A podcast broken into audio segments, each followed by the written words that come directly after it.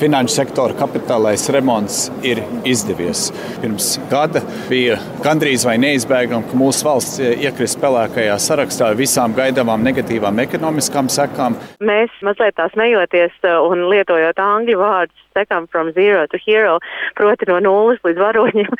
Mums ir ļoti labi izdevies parādīt to, ka sadarbība es gribētu teikt, arī drosme un neatlaidība ir tie atslēgu vārdi, kas mūs raksturoja visā šajā periodā. Šādas prieka un gandarījuma vārdus pēc 21. februārī notikušās finanšu darījumu darba grupas plenārsēdes Parīzē, kurā tika nolemts, ka Latvija netiks pakļauta pastiprinātai uzraudzībai, jeb iekļaušanai tā dēvētajā pelēkajā sarakstā, Latvijas radio pauž premjeras Krišjāns Kariņš no jaunās vienotības un finanšu un izlūkošanas dienesta vadītāja Ilza. Ilza Znotiņa. Kopš kritiskā Eiropas padomas eksperta komitejas Monevala vērtējuma bija pagājis vairāk nekā pusotrs gads. Šajā laikā Finanšu un izlūkošanas dienests sagatavoja divus ziņojumus - tehniskās atbilstības un efektivitātes novēršanas procesa ziņojumus. Viens no dienesta cilvēkiem, kurš būtībā izlasīja teju katru burtu no abiem apjomīgajiem, vairāku simtu lapušu biezajiem ziņojumiem, ir Toms Platecis, Finanšu izlūkošanas dienesta stratēģijas stratēģiskās analīzes nodaļas vadītājs. Finanšu izlūkošanas dienas bija tā iestāde, kas koordinēja un apkopoja visu pārējo iestāžu padarīto vienā dokumentā, gan tehniskajā, gan arī efektivitātes ziņojumā.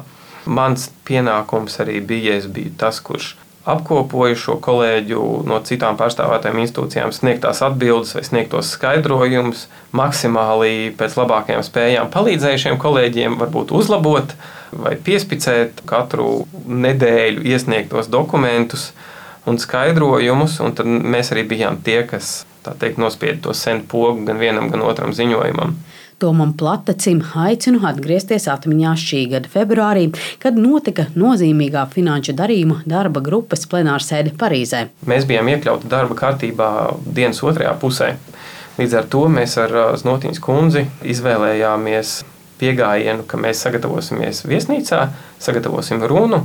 Tiešām neatceros, kādu iemeslu dēļ pēdējā brīdī nolēmām doties no paša rīta un sagatavoties tur uz vietas. Un labi, ka tā, jo tajā brīdī, kad mēs aizgājām uz šīm FATF telpām, izrādījās, ka nevienam nepaziņojot mūsu ziņojuma izskatīšana ir pārcelta kā pirmais dienas kārtības punkts, un tikai veiksmīgas sakritības dēļ mēs bijām tur. Tad jau piekdien, 21. februārī, mēs arī saņēmām šo plenārsēdes gala apstiprinājumu, ka neesam iekļauti tā dēvētajā pelēkajā sarakstā. Un tās emocijas to brīdi? Nu, smaids līdz ausīm, tas noteikti bija pirmais, un noteikti nebija tā, ka uzreiz varēja aptvert to, kas ir noticis. Apziņa par paveikto parādījās tikai dažas nedēļas vēlāk pēc šīs sēdes Parīzē, kad ziņu virsrakstos parādījās informācija par to, ka Latvija nav iekļauta tā dēvētajā pelēkajā sarakstā. Jautāju, vai jau ir radusies apziņa, ka ir izdevies būt klāt nozīmīgam vēsturiskam brīdim? Pagaidām vēl noteikti nē. Ir sajūta, ka ir izdarīts kas labs, kas atstāja ietekmi varbūt plašākā mērogā kā citi ikdienas darbi, bet ņemot vērā, ka tā darba specifika arī šobrīd nav mainījusies un, un strādā pie ļoti līdzīgiem procesiem, tad varbūt ir tāda turpinājuma sajūta. Bet es esmu pārliecināts, ka pēc vairākiem pāris desmitiem gadu skatoties atpakaļ, noteikti būs sajūta, kad ir izdarīts kaut kas lielāks.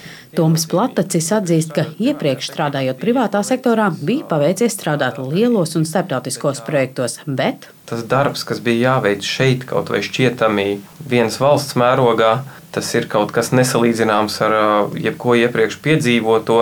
Daži tie pēdējie vakari, kad sēdi dienesta telpās un raksti šo ziņojumu, tā sajūta brīžiem bija tāda nedaudz sirreāli par to pozitīvo uztraukumu, ko rada tā atbildība, kas ir tavās rokās. Protams, es nebiju vienīgais, kas to ziņojumu lasīja vai izstrādāja. Toms Platacis atzīst, ka šis periods atmiņā paliks ar garām darba stundām un strādāšanu plecu pie pleca ar citiem finanšu un izlūkošanas dienas darbiniekiem.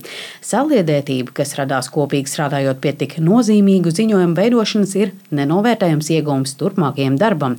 Toms dalās atmiņās, kā pagājušais laiks. Ēst gatavot nevienam nesanāca, jo domas nu, un arī darbi bija veltīti šim ziņojumam, un lielākoties mēs ēdienu pasūtījām. Kā jau var iztēloties, nevienmēr šis pasūtītais ēdiens ir tas veselīgākais, bet neskatoties uz to, kolēģi un es tā skaitā, mēs visi zaudējām svaru. Un, manuprāt, tas parāda to, kādu emocionālo noturību tā skaitā prasīja šis process. Bet noteikti šis process ļoti norūdīja un deva to spēju vairāk saprast arī citus cilvēkus, skatīties uz citiem cilvēkiem arī no viņa skatu punkta, ka pats varbūt atsevišķos brīžos strādā līdz spēku izsīkumam. Protams, tad, kad tu sēdi vakarā un jau septīto reizi pārlasi vienu un to pašu un neesi ēdis, tad var parādīties emocijas, kas nav tās patīkamākās. Tomēr, ja šāds piedāvājums nāktu atkārtoti, tad Toms Platacis teica, ka noteikti neatteiktos, bet arī uzreiz nepiekristu. Linda Zalāne, Latvijas radio.